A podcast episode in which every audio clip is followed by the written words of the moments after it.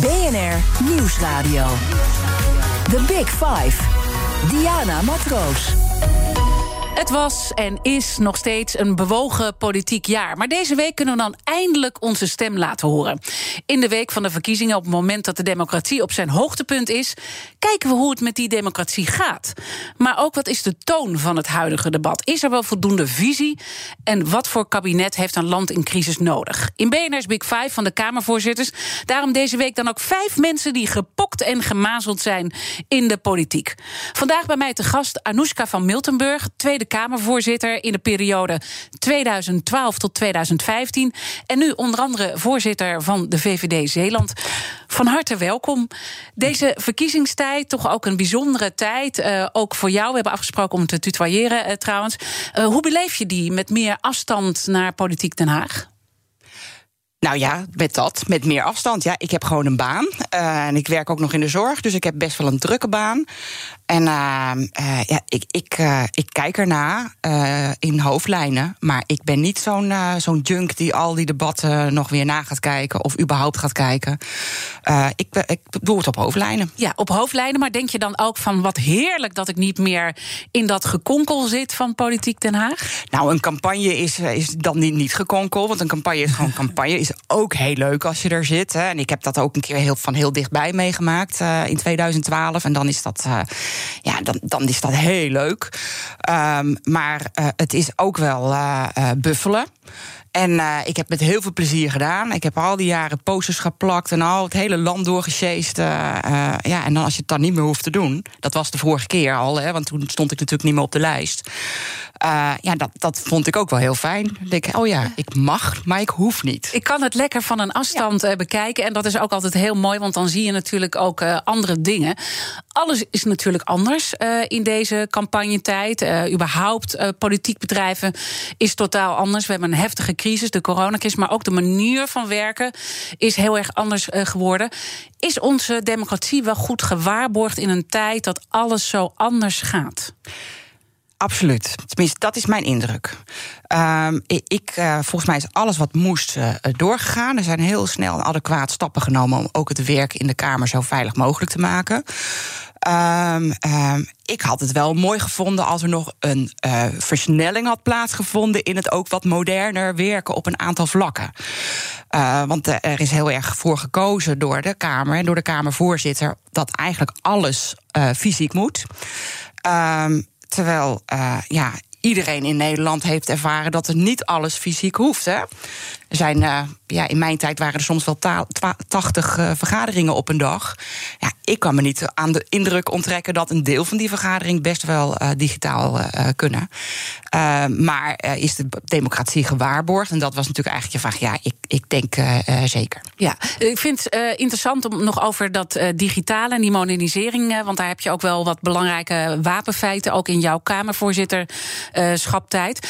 maar toch even over de democratie gewaarborgd je ziet natuurlijk wel dat de oppositie al een hele tijd niet alleen in een campagne, maar een wat moeilijke rol heeft. Het is heel erg moeilijk om de, uh, de coalitie aan te vallen. Nu uh, zijn ze demissionair, maar je wil ook niet de onrust in de bevolking aanwakkeren. Is dat, is dat niet heel erg moeilijk om in deze tijd politiek te bedrijven? Het is moeilijk in deze tijd om alles te doen. Het is heel moeilijk om in deze tijd uh, horeca-ondernemer te zijn, überhaupt ondernemer te zijn. Iedereen heeft het heel moeilijk en de politiek ook. Uh, en ik vind dat ze daar uh, heel, heel goed in geslaagd zijn. er zijn heel veel debatten geweest. Ook nog in deze verkiezingstijd zijn er coronadebatten geweest. Alles werd uitgezonden. Er is, nou ja, ik kan me voorstellen dat journalisten soms wel eens dachten: goh wat zou het fijn zijn een dag zonder corona.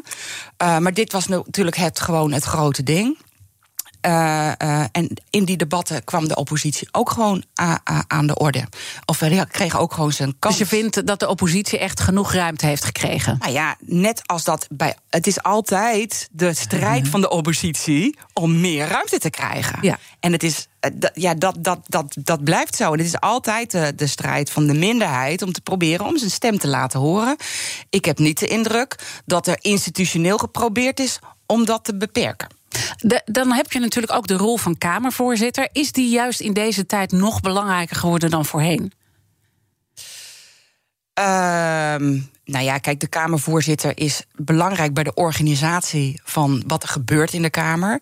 En zij heeft daar, wat ik zei, heel snel en adequaat samen met de organisatie uh, en samen met het presidium wel uh, goede in stappen ingezet. Waarbij het natuurlijk het moeilijkste besluit voor een voorzitter is om te zeggen: er mag geen publiek meer komen. Uh, want dat is, uh, uh, ja, daar is juist zo hard aan gewerkt om ervoor te zorgen dat die, die deuren open gingen en dat, er, dat die publieke tribune altijd vol zat.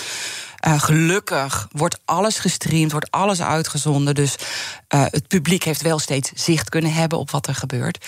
Maar uh, ja, daarin, in dat organiseren en dat anders organiseren, is die voorzitter natuurlijk heel belangrijk. Ja, en natuurlijk ook te zorgen dat de oppositie nog voldoende mogelijkheid krijgt om zich te bemoeien met het debat. Ja, maar ik denk dat elke voorzitter die deze week aan het woord zal komen, hetzelfde zal zeggen als wat Gerdy Verbeet gisteren ook al zei. Het is de taak van de voorzitter om ervoor te zorgen dat iedereen aan bod komt.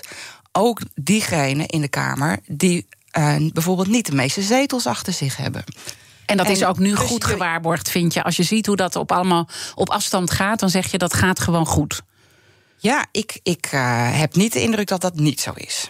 Uh, over die modernisering gesproken, want dat was een, een, een, belangrijk punt van jou tijdens het Kamervoorzitterschap. Je hebt ook toen uh, gepleit voor een app en die is er ook gekomen. Hè? Een, een, een debat-app waar je dus alles kan volgen van de, van de Kamerverslagen die er zijn, zodat eigenlijk een bepaalde vorm van transparantie ook ontstaat. Waarom vond je dat zo belangrijk om daarop in te zetten toen? Nou, dat, dat vindt zijn oorsprong, denk ik, toen ik in de Kamer kwam. Ik ben in 2003 Kamerlid geworden. Dat was vlak na de, uh, de, de, de, de. Hè. Dat was in 2002 de verkiezingen, waarbij er opeens een nieuwe partij zo groot werd. Um, en, en we voortdurend de discussie hadden van hoe kun je die Kamer, hoe kun je de politiek nu op een andere manier bedrijven. Dus, en toen zijn, is de Kamer ook begonnen om meer publiek naar binnen te halen. Dat debat heeft eigenlijk als een rode draad door mijn uh, Kamerlidmaatschap heen gelopen. Um, uh, uh, en alle debatten werden op een gegeven moment ook uitgezonden via Politiek 24, werden gestreamd. Um, maar je kon helemaal niet zien wie er aan het woord was. Je kon helemaal niet zien waar er over gesproken werd. Je kon het debat zien, punt. En toen heb ik gezegd: ja, kunnen we niet voor zorgen dat mensen via een app. Want in die, in die, tijd was die app inmiddels uitgevonden. Toen ik begon in de Kamer was, dat hadden we sms. Ja. Uh, kunnen we niet een, een appje maken waarbij mensen uh, A, het debat kunnen volgen kunnen zien wie er aan het woord is. Zonder dat de voorzitter dat steeds moet, moet zeggen. Hè. Maar mensen kennen al die gezichten niet hè, in de Kamer. Ze 150 Kamerleden. Nou, als mensen er vijf op kunnen noemen, dan ben je best wel verslaafd aan de politiek als je dat al uh, kan vaak. Uh, dus, dus dat ze kunnen zien wie er aan het woord is, maar vooral ook waar er over gesproken is. Want dat was raar. Je kon wel naar een debat kijken, maar die Kamerstukken die besproken worden. Die, ja, daar moet je echt wel een professional zijn om die te vinden. En, dat, dat is dus gekomen? Uh, uiteindelijk uh, zeg jij dat gaat niet ver genoeg. En ik had ook wel wat meer gehoopt. Ook, er is nu wel een beetje versneld in coronatijd, maar het had allemaal wat meer gemogen. Wat had er meer gemogen? Ja, ik had een heel plan gemaakt. Ik wilde die Kamer eigen tijd maken. Ik wilde dat mensen überhaupt ook zich meer herkenden in het debat. Het, was een, het politiek debat is in zijn aard vrij naar binnen gericht. Want je, hebt alle, je bent met veel, je hebt allerlei regels. Je hebt je reglement van orde waar je aan moet houden. Um, uh, en je moet het begrijpen om het te kunnen volgen. En dat stoot mensen af. Uh, terwijl je juist wil dat mensen het zien. Want het begint toch mee dat je moet kijken en dat je snapt waar het over gaat. En waar dus je vond die betrokkenheid heel uh, belangrijk. Ja. En dat is natuurlijk ook democratie. Dat mensen zich betrokken voelen bij wat er gebeurt en besproken politiek, wordt. Politiek is maar een deel van democratie. Hè? Ja. Democratie is eigenlijk dat, dat zijn we met elkaar. Dat we wat vinden. Dat we kunnen zeggen dat de oppositie misschien te, min, te weinig ruimte krijgt in deze campagne. Hè? Dat is ook democratie. Dat we dat gewoon open kunnen zeggen. Dus ik wilde dat heel graag opener maken. Bijvoorbeeld door die kamerstukken te ontsluiten. Maar bijvoorbeeld ook um, als er een motie wordt ingediend, heel plat hè, als er een mhm. motie wordt ingediend in de Kamer, gaat dat nog extreem ouderwets. Op papier, eh, er loopt een bode naar een kopieerapparaat tijdens het debat. Die kopieert hem dan, wordt uitgedeeld. En je zit dan te kijken, thuis tegenwoordig. Je kan niet eens meer in die kamer zijn. Je weet niet wat voor motie er is ingediend. Je kan het helemaal niet meelezen. Ik zeg, goh, zullen we niet wat schermen ophangen? Dat je gewoon kan meelezen. Dat als een Kamerlid een presentatie houdt dat hij hetzelfde kan doen wat alle kinderen op de lagere school al doen, namelijk dat ondersteunen met beelden. Ja. En, maar, maar, maar dus ook de, de er iets van vinden. Dus, dus ook, uh, hè, daar had je ook een idee dat was voor. de ene kant, we maken het herkenbaarder.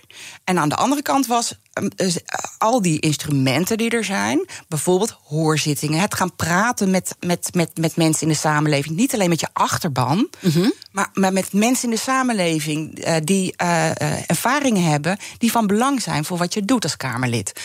We, ja, we nodigen er dan een paar uit die naar de Kamer komen. Ik zeg, als je daar nou, als je daar nou een online platform voor bouwt, en daar had ik er een idee voor, dan kun je veel meer mensen kun je input laten geven op wat jij doet. En wat zonder is dat, dat partijgebonden is. Ja, en wat is dat dat dat er niet doorheen komt? Want het lijkt me allemaal heel plausibele plannen. Ja, vond ik ook. Ja, ik denk dat het er ook gaat komen. Het duurt gewoon wat langer. Ja, maar wat werd er dan gezegd als je dan met dat soort ideeën kwam? Ja, vond het toch wel wat spannend. Ja, wat is dan die spanning? Ja, dat je de controle verliest. En nu gaat heel. Eerlijk gezegd, denk ik dat het dat is. Ja. Want je, nu verloopt je informatievoorziening heel erg langs partijlijnen. Alle partijen doen aan communicatie, hun boodschap uitzenden. Of je hebt de, de, de, de, de media. Uh, als de Kamer daar een, een rol in gaat pakken om dat debat ook mee vorm te geven, zonder dat ze daar direct invloed op hebben, dat is toch wel heel erg spannend. En social media mag het wel. Facebook mag het wel, hè? Ja. Uh, maar de Kamer mocht het, uh, mocht het niet. Ik vind het jammer, ik vind het een gemis. Maar ik ben er ook van overtuigd dat het er wel gaat komen. Het gaat uiteindelijk komen, zeg je. We zien natuurlijk ook uh, een bepaalde manier om ook inspraak te hebben en inzage te hebben. Is natuurlijk de wet openbaarheid bestuur, de WOP. Uh, dat hebben we natuurlijk ook in die hele toeslagenaffaire gezien. Vervolgens krijgen we allemaal zwarte gelakte pagina's opgestuurd. Is dat ook iets wat hieronder ligt, dus niet die regie uit handen willen geven? Nee, ik denk dat dat twee verschillende dingen zijn. En ik denk dat de, de, de, de discussie over meer openheid en toegankelijkheid van de politiek is natuurlijk niet door mij begonnen. Mm -hmm. uh, ook niet door Pim Fortuyn. Dat is al van alle tijden. En er zijn allerlei stappen in gezet. Maar bijvoorbeeld iets als de WOP, wat een hele belangrijke wet is, um, is natuurlijk heel erg formeel. Je moet wel als een, als een individu wel een enorme stap zetten om ook nog weer terug te kijken. Dat gaat nog niet eens over wat er in de toekomst gaat gebeuren. Het gaat over terugkijken. Maar als er nu is, je bent niet, je bent gemiddeld politiek uh, bewust. Dus je gaat wel stemmen en je vindt er wel eens wat van. Maar je bent er niet elke dag mee bezig. En dan ligt er iets voor in de Kamer waar jij toevallig heel veel verstand van hebt. Dan wil je toch zo laagdrempelig mogelijk toegang geven tot Kamerleden om, om, om er iets van te vinden. En die Kamerleden ook inzicht te geven in de discussie onder professionals. Zonder dat daar een lobbyist tussen zit. Of een koepelorganisatie tussen zit. The Big Five. Diana Matroos. Deze week spreek ik met vijf huidige of voormalige Kamervoorzitters. Morgen is Jan Antoni Bruin, hij is de voorzitter van de Eerste Kamer op dit moment bij mij te gast. En later deze week ontvang ik onder andere nog voormalig Kamervoorzitter Ankie Broekers-Knol. Mijn gast vandaag is Anoushka van Miltenburg. Ze was van 2012 tot 2015 voorzitter van de Tweede Kamer. We hebben het al een beetje gehad over de rol van de Kamervoorzitter. In ieder geval weten we, de Kamervoorzitter krijgt altijd veel kritiek. Heb je ook uh, meegemaakt in 2015 opgestapt als Kamervoorzitter. Omdat je niet wilde dat er discussie over jouw ambt zou ontstaan tijdens het debat over de Teven-deal. Hoe kijk je terug op die periode? Het is nu zoveel jaar later. Ja, dit is natuurlijk een hele bijzondere periode in mijn leven geweest. Het is zo'n unieke, letterlijk unieke functie. Hè? Er is er maar één van. Uh, en er zijn ook maar een paar mensen in Nederland die die functie hebben uh, uitgeoefend. Uh, ik heb ontzettend mooie dingen meegemaakt. Ik heb ook dingen, belangrijke dingen mogen doen. Mm -hmm. maar ja, het was niet allemaal leuk natuurlijk. De, ja, de, en dat is het natuurlijk nooit. Maar ik kijk daar met heel veel plezier op terug. Heel veel plezier als ja. je naar de totaliteit kijkt. Maar er waren ook echt uh, moeilijke periodes. En ik wil dat toch graag met je bespreken. Ook omdat we nu zien dat. Uh, nou, überhaupt Kamervoorzitters liggen vaak onder vuur. Maar we zien het nu ook met uh, Ariep gebeuren. Hoe was die kritiek voor jou? Hè? Bijvoorbeeld in 2013 verscheen er een artikel in de Volkskrant. waarin meerdere fractievoorzitters je ongeschikt noemden. En ze deden dat anoniem. Eigenlijk zoals dat nu ook bij Ariep gebeurt. Ja, ik, uh, uh, ja dat, dat, is verschrikkelijk als dat gebeurt, omdat je die mensen elke dag spreekt. En, en, en uh, ik altijd heel laagdrempelig en toegankelijk ben geweest. Dacht, ja, kom binnen, praat erover. En zeg het niet ook nog anoniem tegen een journalist. Overigens uh, heb ik daarna al die fractievoorzitters uitgenodigd. Zeg, nou, eh, kom maar, uh, kom maar langs. Ik wilde graag met je over hebben. En het beeld wat ik aan die gesprekken heb overgehouden was heel anders dan het beeld wat er in die krant stond. Dus ja, ik vond dat. Ik vind anoniem een artikel publiceren, destijds van de Volkskrant en nu bij RTL, dat vind ik niveau roddel en achterklap. Want je moet dit echt niet op zo'n manier doen. Je moet het, hoe, hoe moet je, als, als er kritiek is over iemand, hoe moet je het dan wel doen? Want het is natuurlijk wel een belangrijke functie. Nou ja, doorgaans praat je daar toch met iemand over? Ja. En dan zeg je. Joh, dit vind ik niet fijn dat je dit doet. Dit wil ik liever anders. Uh, uh, of ik zou het anders doen. Uh, je kan ook iemand in zijn waarde laten in het anders doen, hè? maar het heel persoonlijk maken. En niet eens laten gaan over wat je doet, maar ja, hoe je eruit ziet. Of, of ja, dat is. ja. En is dat dan, is dat dan een vooropgezet plan van journalisten, denk je? Of is het een vooropgezet plan van een paar mensen in de Kamer die zelf azen op zo'n functie? Hoe moet ik dat soort dingen zien? Dat zo'n verhaal dan aan het rollen komt. Hè? Ik bedoel, uh, zo'n uh, een Volkskrant of RTL brengt zo'n verhaal ook niet zomaar. Hè? Dat zijn toch wel serieuze media. Dus hoe, hoe kijk je nu hoe dat bij Ariep bijvoorbeeld gaat? Ja, ik. kijk, gekletst wordt er altijd, hè? Ja. Komt lang niet allemaal in de krant, geloof mij. Ik heb daar heel lang rondgelopen. Er wordt heel veel gekletst, geroddeld. De meeste verhalen.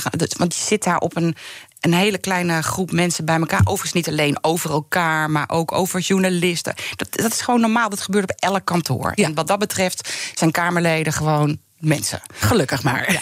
ja. De, de, de, de, de beslissing om iets te publiceren wordt natuurlijk niet door een Kamerlid genomen. Dat wordt door, door, een, door een medium genomen die dat uh, belangrijk vindt. En dat is, dat is ook goed dat ze, als ze zoiets heel, als ze iets heel vaak horen dat ze daar achteraan gaan. Dat is de taak van de media, denk ik. Maar als er dan. Uh, ze moet, het is ook de taak van die media om te denken: ja, als niemand dat wil zeggen met zijn naam erbij. Ja, dan, dan, dan worden we misschien wel voor een karretje gespannen.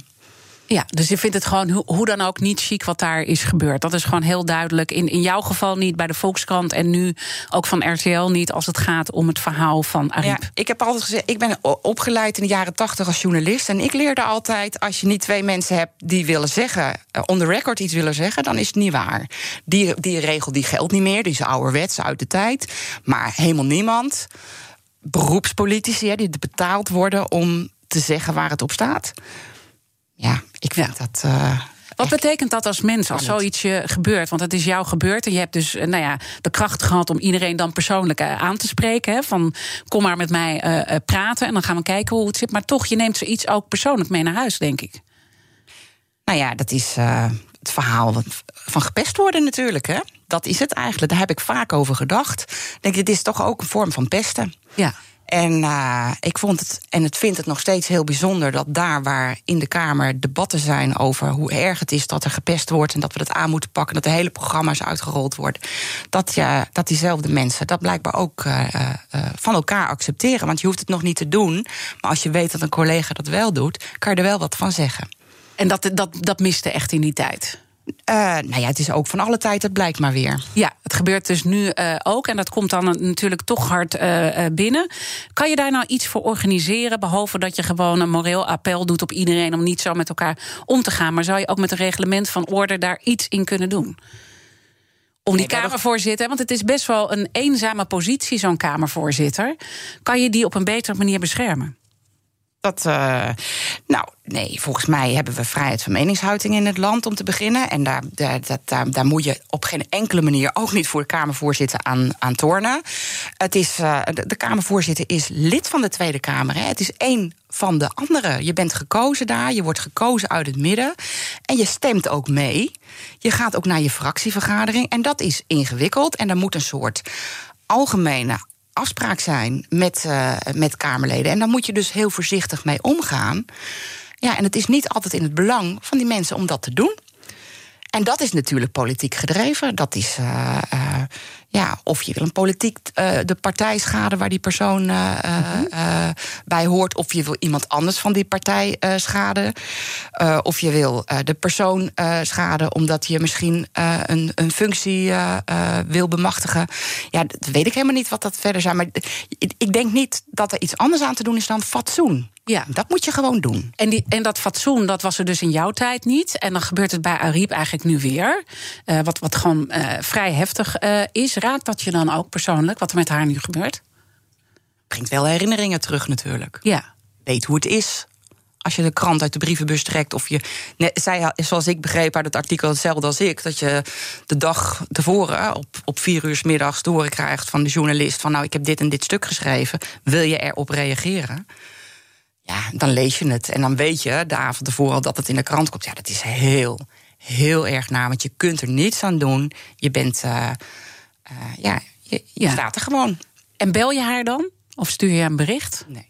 Dat niet. Nee. Maar je weet wel wat het is om, om in die positie uh, te zitten. En denk je dan dat het vrouw zijn nog ergens een rol speelt? In dit geval heb ik niet de indruk dat dat zo is. In de politiek speelt dat soms natuurlijk wel mee. Maar in, ik, ik heb dat uit het artikel niet gehaald. Maar ik heb het niet vijf keer gelezen hoor. Daar heb ik helemaal geen tijd voor. Ik heb het gewoon gelezen. Nee, in dit geval ging het uh, over haar. Ja. Nee, maar het kan natuurlijk dat er anders naar vrouwen wordt gekeken. Hè? Dat, dat, dat hoor je ook wel eens uh, voorbij komen. Zou, zou, als je als vrouw bent en er zijn wat dingen, komt dan sneller zo'n verhaal naar buiten? Dat weet ik niet. Nee. Maar weet je, een, er wordt natuurlijk over alle politici wat gevonden. Er wordt ook over bewindspersonen nare dingen gezegd. Het grote verschil tussen een Kamervoorzitter en een bewindspersoon is: je kunt jezelf heel slecht verdedigen. Uh, in mijn tijd werd er bijvoorbeeld gelekt uit het presidium. Het presidium is het bestuur van de Kamer, hè, waar jij dan de voorzitter van bent. En uit die vergadering, daar werd soms letterlijk uitgelekt. Maar de afspraak is: dat je er niet over praat. Dus ik, dan werd mij om een reactie gevraagd. En ik dat kan niet. Want ik ben de voorzitter van het presidium. En de afspraak is dat we er niet met elkaar over praten. Dus dat is die kwetsbare rol. Ja, en um, een bewindspersoon kan ook altijd nog zeggen: oh, ik heb zoveel negatieve kritiek. Ik kom naar buiten met een leuk plannetje. Dat zie je ook. Hè. Nu uh, ga ik uh, uh, de, een ballonnetje, een leuk politiek ballonnetje. Je kan het over de inhoud laten gaan. Maar een Kamervoorzitter gaat juist niet over de inhoud. Dus je hebt weinig anders dan jezelf. En het fatsoen en het respect van je collega's. Uh, en uh, uh, ja, daar, dat is daar, het. Daar, daar, moet je het mee doen. Laten we straks daarover verder praten. Mijn gast in BNR's Big Five van de Kamervoorzitters is Anoushka van Miltenburg. Hoe moet je die democratie bewaken en hoe slim zijn die Kamerleden? Nou, we hoorden het al een beetje. Tot zo. Radio. The Big Five. Diana Matroos. Welkom bij het tweede half uur van BNR's Big Five. Deze week uh, ontvang ik vijf Kamervoorzitters. Morgen de huidige voorzitter van de Eerste Kamer, Jan-Anthony Bruin. En later deze week onder meer Frans Wijsglas, voormalig voorzitter van de Tweede Kamer. Vandaag bij mij te gast Anoushka van Miltenburg, voormalig voorzitter ook van de Tweede Kamer. Uh, we spraken net al uh, nou ja, over die rol en hoe moeilijk uh, die rol soms kan zijn. En wat je daar zelf persoonlijk in meemaakte. En hij riep op dit moment. natuurlijk is de taak van een Kamervoorzitter om een debat netjes ordelijk te laten verlopen. Even los van alle kritiek, hoe lastig is dat? Nou, het is niet de taak, het is een taak van de ja. Kamervoorzitter. het is veel meer. Het is veel meer. Uh, ja, nou ja, weet je, er zijn heel veel debatten in de Kamer. En er zijn, uh, uh, sommige debatten hebben heel veel emotie in zich. En hoe meer emotie in een debat zit, hoe moeilijker het is natuurlijk om dat ordelijk te laten verlopen. Dat is niet anders in de Tweede Kamer dan als dat is in een discussie in je eigen familie, bijvoorbeeld. dus ja, dat. Dat. Als, het, als er veel emotie is, maar als we dan eventjes kijken naar de, de Kamerleden, hoe uh, gewiekst zijn die om uh, nou ja, die arena te gebruiken en ook de Kamervoorzitter te gebruiken om het spel te spelen? Er zijn, nou, weet je, er zijn 150 Kamerleden. En er zijn, die, zijn, die zijn allemaal heel erg verschillend. Dus er zijn er heel veel die komen daar hun ding en die willen gewoon hun verhaal vertellen, die willen een paar vragen stellen. En dat is hoe zij erin zitten. Ja, dat zijn natuurlijk. Uh, daar is dat niet zo moeilijk bij. Maar ook die hebben soms wel emotie. Die worden dan boos, die vinden het onterecht, die vinden dat ze te weinig tijd krijgen. Ik ben zelf, voordat ik Kamervoorzitter was, ook heel lang Kamerlid geweest. Ik heb ook wel eens stomend bij die microfoon gestaan. Of dat ik naar de voorzitter ben gelopen om te zeggen: joh, ik, uh, dit is de kern van het debat. En nou ontneem je mij het woord. Uh, dat hoort erbij. Dat is ook onderdeel natuurlijk van, van, van, van politiek bedrijven. Om zo lang mogelijk aan het woord te zijn. En daarmee jouw punten zo uitgebreid mogelijk te maken. Dat is in het Kamerdebat. Dat is ook nu in de verkiezingsdebatten. Mm Ik zeg nu vandaag in het nieuws. Mannen zijn veel langer of veel meer aan het woord dan, dan, uh, dan vrouwen. Ja, dat is uh, in de Kamer. Uh, daar gaat het over. Je moet aan het woord zijn als politicus om je punt te kunnen maken. En dat moet die voorzitter dus de hele tijd uh, bewaken. Uh, nou vertelde uh, Gerdy Verbeet gisteren bij mij dat die baan gewoon ongelooflijk zwaar is. Dat je de hele tijd uh, moet aanstaan. En zij was echt na een dag debatteren, helemaal, of het voorzitter van het debat, helemaal kapot. Ze was echt zo spierpijn overal. Het ging echt in haar lichaam zitten. Had jij dat ook? Ja, nou, er zijn heel veel debatten waarbij je dat niet hebt. En ik weet zeker dat dat ook gold voor Gerdy Verbeet. Maar bijvoorbeeld een debat als de algemene beschouwingen. Nou, eigenlijk het debat van de regeringsverklaring. De regeringsverklaring is een van de eerste debatten die een voor, nieuwe voorzitter moet doen. En ja, dat is natuurlijk per zang politiek. Dan zijn er partijen die elkaar in een campagne hebben uh, bestreden, die dan zeggen van wij gaan samen een regering vormen. En dan zit je daar en je moet vanaf het begin om kwart over tien begint het debat. Moet je aanstaan, geconcentreerd zijn. En je bent de enige in dat hele gebouw die dat de hele tijd moet zijn.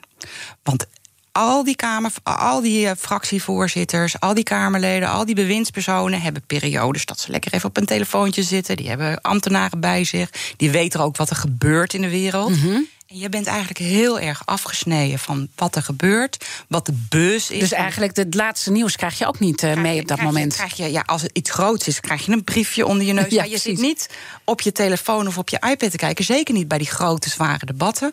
Ja, dat is echt topsport. Ik weet wel dat ik een keer twee kilo was afgevallen. Nadat ik twee dagen algemene beschouwing had gedaan. En ik had toen gedacht van ik eet alles wat ik de kans ja. krijg. Want dat is gewoon heel hard werken. Ja. Ja, en, en toen waren er veel kilo's af. En super gaaf om ook. dat, dat is de andere kant, hè? Ja. Uh, uh, je zit op de eerste rij. De beste debaters van Nederland. Hè. Zeker bij die fractievoorzittersdebat. Hè. De minister-president. Uh, uh, ja, hij was ook al minister-president toen, ik voor, toen ik voorzitter was. Dat is een, een gewiekste debater, maar met grappen en grollen. En je zit daar op de eerste rij, je overziet het. Het is ook heel erg leuk. Ja, en tegelijkertijd heel, heel heb je misschien ook weer meer informatie dan een ander, omdat je continu gespitst bent om heel goed te luisteren of er niet herhaald wordt. Uh, hè, want, want, dan moet je daarop ingrijpen. Dus je mist aan één kant uh, de bus buiten, ja. maar je hebt ook wel misschien weer veel meer informatie dan al die individuele Kamerleden die afgeleid zijn met andere dingen. Ja, nou ja, dat, je, je krijgt. Uh, er zijn natuurlijk uh, fractievoorzitters die bij, bij bepaalde collega's gewoon weglopen en zeggen: Nou, daar heb ik, uh, dan ga ik niet interrumperen. Of ik ga even koffie drinken. Je ziet dat, dat zie je ook op die beelden. Hè. Je ziet ze steeds ja. door die gangen heen en weer lopen, met mensen praten. ja, die, zijn, die, die krijgen niet elke zin mee. En, en, en de voorzitter wel. Ja. Dat is en ook een voorrecht. Iedereen zoekt natuurlijk uiteindelijk die grenzen op. En uh, Gerdy vertelde niet alleen he, dat het zwaar was om gewoon de hele tijd aan te staan. Maar de reden waarom ze uiteindelijk ook is opgestapt, is omdat het allemaal zo negatief en, en de, de manier van bewoordingen, de, de, de, de, het populisme, de informele toon, de, de hardheid. Hoe kijk jij naar die toon? Ja, het zijn, het zijn allemaal verschillende dingen die je, die je noemt. Hè? Als ik hem, uh, om met Zeker. Mark Rutte te spreken, even afbel. ja. Dan uh, dat, dat informele, dat via de voorzitter spreken... daar heb ik in het begin van mijn voorzitterschap ook veel aandacht aan besteed. Want dat, dat heeft een functie. Hè? Dus als je goed kijkt in de boeken, waar komt dat vandaan? Dat heeft ermee te maken dat je daarmee de emotie uit het debat had. Het gaat niet over de mens die daar staat, het gaat over wat je bespreekt. Um, daar moest ik heel veel aandacht aan besteden. Dat heeft Gerdy ook altijd, uh, mm -hmm. ook altijd gedaan. En dat sloeg niet aan. Ik, mensen werden ook heel erg geïrriteerd door. Niet alleen in de Kamer, maar ook heel veel mensen die naar die debatten keken. Zeiden, waarom doe je dat nou toch de hele tijd? want we, er is geen land in uh, waar zoveel vergaderd wordt als in Nederland. Hè? Ja. En nergens wordt via de voorzitter gesproken, behalve in de Tweede Kamer. Dus je moet je ook afvragen. Um, uh, of je dan met de manier waarop je dat wil afdwingen, nog wel de mensen bereikt die je juist wil bereiken. Doordat je al die debatten uitzendt, doordat mm -hmm. je een app maakt, dat soort zaken. Dus heb je het eigenlijk weer over die modernisering? Dat het misschien niet meer van deze tijd is om het zo uh, deftig ja. te doen? Er waren debatten waarbij ik het juist specifiek zei. En nu moeten we het wel even doen. We hebben bijvoorbeeld een debat, uh, debatten waar het over aftreden van een bewindspersoon gaat, of als het over hele heftige dingen gaat, dan we: zullen we, zullen we het proberen? En dan snapt iedereen het en dan zie je dat het ook veel beter lukt. Uh, dus ik was daar wat, uh, ik werd mm -hmm. daar een beetje flexibel in. Dat noemen van die voornamen, ja, dat vond ik een gruwel toen ik, er zat, stond Mark Rutte. En we noemen hem ook allemaal Mark, hè, dus we doen er ook allemaal aan mee. En dan zei hij: Ja, Janine, kom er even bij. Of, uh, Lodewijk, hoe ging dat ook alweer? En dan denk ik: dat, Dit is niet een politiek debat. Dit is, dit, nou, dat zou je niet moeten willen. Tegelijkertijd, ja, wij zijn ook heel informeel in Nederland. Dat is hoe we het met elkaar doen. Dus daar een beetje flexibel in zijn. Ja, je ziet dat dat heel breed is overgenomen. Toen ik net voorzitter was, was het CDA. Die vond dat verschrikkelijk dat dat gebeurt. Maar nu hebben we het ook over Hugo. Ze hè? zijn uh, opgeschoven. Ja, we hebben het ook over Hugo en Wopke. En uh, uh, ja, dit, dit is gewoon. De politiek moet een afwis afspiegeling zijn van wat er in de samenleving gebeurt. Ja, maar het moet ook natuurlijk tweede, een voorbeeldfunctie dus dat vervullen. is de andere kant. Ja. Dat is de andere kant. De voorbeeldfunctie is. Je moet mensen ook niet afstoten in, in je debat. En daar heb ik altijd geprobeerd aandacht voor te vragen. Als jij uh, vloekt in de Kamer of als jij hele nare dingen zegt, dat stoot mensen af. En het gaat toch over de inhoud? Je, het gaat toch niet over dat je iemand een, een naam naar zijn kop wil gooien. Het gaat erover dat je wil vertellen waar jij als politicus voor staat. Of wat jij als politicus bestrijdt. En als je dan nu kijkt naar de toon van het huidige debat, vind je dan dat, we, dat het allemaal te plat wordt en dat we weer wat meer uh, genuanceerd moeten zijn. Om ook die aansluiting met alle kiezers te kunnen vinden. Die zich misschien. Hè, want we, we, horen natuurlijk in het debat veel de extreme kanten, de ene en de andere kant op. Maar je hebt natuurlijk een hele grote middenmoot. Nou ja, wat je ziet, is dat is de toon van het debat weerspiegelt heel erg de toon van het debat op social media bijvoorbeeld. Hè. Daar gaat dat zo. Maar je moet met elkaar wel willen uh, afvragen: wil je dat? En je moet met elkaar ook afvragen: is heel Nederland actief op Twitter? Nou, ik heb altijd gezegd: nee, de meeste mensen hebben er helemaal geen tijd voor. Want die moeten gewoon uh, werken, de kinderen naar de kinderopvang brengen, uh, eten koken, voor een vader of een moeder zorgen. Die zijn niet de hele tijd op Twitter. Dus het gaat een klein groepje bepaalt dan de toon. Dus je moet daar heel erg voor uitkijken. Hoe vind ik het de, uh, de toon van het huidige debat? Ja, ik vind het te veel op de man en te weinig over de inhoud. Ik vind het ook te veel op wat jij niet goed doet. Het is asociaal wat jij doet. Denk, het gaat toch vooral over waar jij voor staat. Verkoop je eigen boodschap. Uh, en tegelijkertijd is dat ook heel erg moeilijk als je een campagne hebt waarbij er de, partij die te verslaan is en de man die te verslaan is, er al zo lang zit. En, en, en ja, dus, dus ook uh, dat een persoon bijna te verslaan is. En dat voelen we allemaal, daar hebben we het ook over. Ja, maar dus toch zeg je, het mag allemaal wel wat minder. Ja. Het, is, het is lastig, maar het mag allemaal wat minder.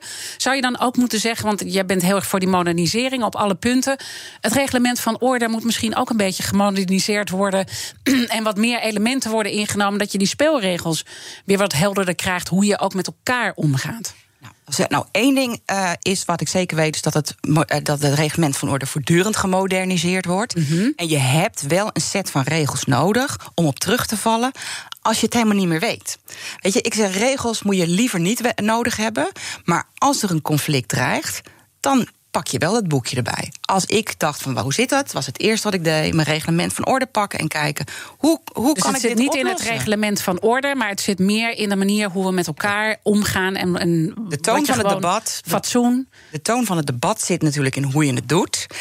En we moeten elkaar ook niet gek maken de toon van het debat is in tijden waar het gaat wel echt ergens over, is al uh, heel vaak, niet alleen in deze tijd, best wel heel scherp geweest. BNR Nieuwsradio. The Big Five. Diana Matroos. Je luistert naar BNR's Big Five van de Kamervoorzitters. Mijn gast vandaag is Anoushka van Miltenburg. Ze was van uh, 2012 tot 2015 voorzitter van de Tweede Kamer. Uh, mijn gasten stellen elkaar vragen via de kettingvraag. En uh, Gerdy Verbeet viel al een aantal keer uh, in dit gesprek. Het is je voorganger als Kamervoorzitter. En zij had deze vraag. Nou, ik zou eigenlijk willen vragen. Uh, ze is onlangs weer gekozen tot uh, voorzitter van de VVD in uh, Zeeland. Daar wil ik haar van harte mee feliciteren. En ik wil eigenlijk van haar weten hoe het nou voelt om na wat jaren afstand weer actief te worden in de politiek. Ja, uh, nou ja, eigenlijk uh, ben ik uh, nooit niet actief geweest. het was misschien niet zichtbaar, maar zo gauw ik uit de Kamer ben gegaan, ben ik in mijn, waar ik toen woon in mijn provincie lid geworden van de Scoutingscommissie. Ik heb in Gelderland uh, in de kandidaatstellingscommissie gezeten. Ik heb in mijn woonplaats uh, destijds meegeschreven aan het verkiezingsprogramma voor de VVD en meegewerkt aan de campagne. Toen ben ik verhuisd naar Zeeland, ben ik weer in de scoutingscommissie gekomen. Dus het is eigenlijk gewoon een lange rij aan uh, vrijwilligersfuncties. En dat is dit ook weer. Ik ben nu voorzitter van mijn, van mijn politieke vereniging. Politiek is namelijk gewoon mijn hobby. Het is natuurlijk ook heel lang mijn werk geweest. Maar het is eigenlijk ook gewoon mijn hobby. Ja, maar de voorzitter is natuurlijk toch wel weer een andere rol hè, in alles wat je hebt gedaan. En meer de publieke rol ook vervullen. Hoe bevalt dat? Nou, kijk, de voorzitter van een vereniging is ik, ja, publiek, want uh, mijn naam hangt eraan. En dan, uh, uh, ja, dan kijken mensen naar, want ik ben toch voormalige Kamervoorzitter. Ja, ik vind het heel leuk om een rol in te spelen. Ik vind het ook heel leuk om mijn ervaring die ik heb in de politiek ook te delen. Want dat is het natuurlijk ook. Hè. Je bent, ik ja, ik wil geen passant zijn. Ik heb heel veel gekregen van de politiek. Ik heb er ook veel voor moeten doen. En dan vind ik het ook weer heel leuk om nieuwe, nieuwe mensen te coachen. Ik coach uh, ook nu weer een, een aankomend Kamerlid. Uh, die uit mijn gemeente, die, uh, die heel graag naar de Tweede Kamer wil. Ja, dat vind ik gewoon heel leuk om te doen. Om die kennis dan door te ja. geven. En je, je doet trouwens nog veel meer. Hè? Je werkt ook voor een huisartsencorporatie. Ja, dat is mijn baan, ja. Dat is je baan, precies. En dit is dus wat je erbij doet. je woont dus sinds een paar jaar in Zeeland. Heel bewust weggegaan uit de Randstad. Als je het hebt over de betrokkenheid uh, van kiezers bij wat er in uh, politiek Den Haag gebeurt, dan hoor je ook vaak dat er een soort afstand is. Dat het vaak over de Randstad gaat. Dat er weinig uh, zichtbaar is wat er in andere delen van Nederland gebeurt. Ervaar je dat ook zo nu je vanuit Zeeland opereert? Ja, nou ja, weet je, Zeeland is daar natuurlijk een heel goed voorbeeld van. Mm. Want er zou een marinierskazerne naar Zeeland komen. En, en het verhaal was dat de medewerkers dat niet wilden, want het was te ver weg en het kwam er niet. Nou is Zeeland daar, en ja, dat is natuurlijk een godspe. Mm -hmm. Uh, Zeeland is daar heel goed mee weggekomen. Er is een fantastisch compensatiepakket uh, gekomen. Dus uh, ja, je, vanuit Zeeland kan je wel zeggen. Uh, er was wel aanleiding op een gegeven moment om te zeggen: nou, nou. En tegelijkertijd, ja, daar wonen natuurlijk heel veel mensen in de randstad. Er gebeuren hele belangrijke uh, uh, ja, economische activiteiten. Hè. Er is een hele grote haven in Rotterdam, een grote luchthaven in, in, in, Amsterdam. Dus dat het heel veel over de, de Randstad gaat, is duidelijk. Uh, toen ik in de Kamer zat, kwam ik ook al niet uit de Randstad. dus dan probeerde je. Ja, ik zei dan altijd: weet je, de helft van de mensen woont niet in de Randstad. Hè. Dus daar moeten we ook rekening mee houden. Als het gaat over uh, een, een, toekomstig kabinet en een toekomstige Kamer, even los van uh, de politieke kleur, hè, want uh, natuurlijk ben je voor de VVD en hoop je dat Mark Rutte daar weer komt te zitten, neem ik aan. Maar wat, wat hoop je wat voor kabinet er gaat komen, wat voor Kamer er gaat komen? Want we zitten in crisistijd. Heb je een advies? Nou ja, de, de, de Kamer die er komt, is de Kamer die uh, gekozen wordt door het Nederlandse volk. En we hebben een fantastisch kiesstelsel, hè, waarbij elke stem telt. Uh, dus ja, dat vind ik een fantastisch stelsel. Wat ik vooral hoop, is dat er heel snel een regering komt.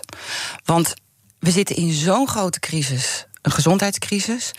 En daarachterweg is, we zitten natuurlijk ook in een enorme economische crisis. En je hebt uh, heel snel een Kamer nodig die full bezig is met, met maar één ding, namelijk het controleren van de regering.